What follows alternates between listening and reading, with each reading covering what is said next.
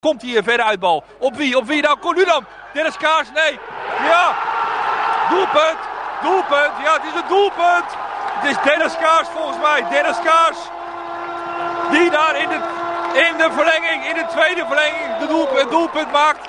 Het was een melee van spelers, maar volgens mij was het Dennis Kaars. En ze worden hier helemaal gek op Sportpark Nieuw-Zuid. Mensen rennen het veld op. Gekkenhuis en 1 tegen 0 voor de thuisclub. Ja, Dennis Kaars. Ja, zo. De bal leek nog door Ruben Valk uh, gekeerd te worden. Maar nee hoor, het is toch het openingsdoelpunt voor Dennis Kaars. Hier 1 tegen 0. En iedereen, iedereen wordt hier helemaal gek.